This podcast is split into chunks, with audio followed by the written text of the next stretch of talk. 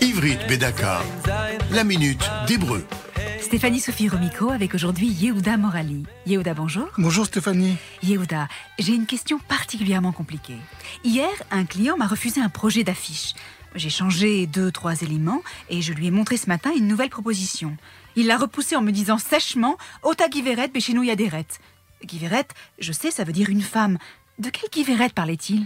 Mot à mot, l'expression signifie la même dame avec un manteau différent.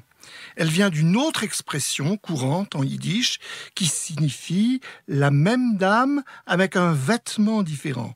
Ota Giveret, la même dame, Béchinouille, avec un changement, Adéret, un beau vêtement, un beau manteau. De quel vêtement parlait-il? Il voulait dire que les changements que vous avez apportés à votre affiche ne sont que des changements superficiels. L'expression s'emploie pour exprimer une déception quant à la nouveauté d'une proposition, d'une institution. Ce n'est pas vraiment nouveau, c'est la même chose, avec un changement apparent qui ne compte pas vraiment. Comment dit-on cela en yiddish?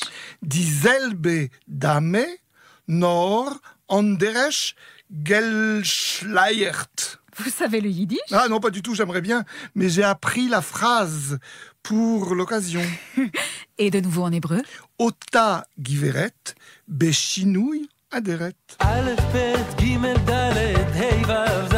Retrouvez la minute d'hébreu sur ivritbedaka.org.il. C'était Ivrit Bedaka.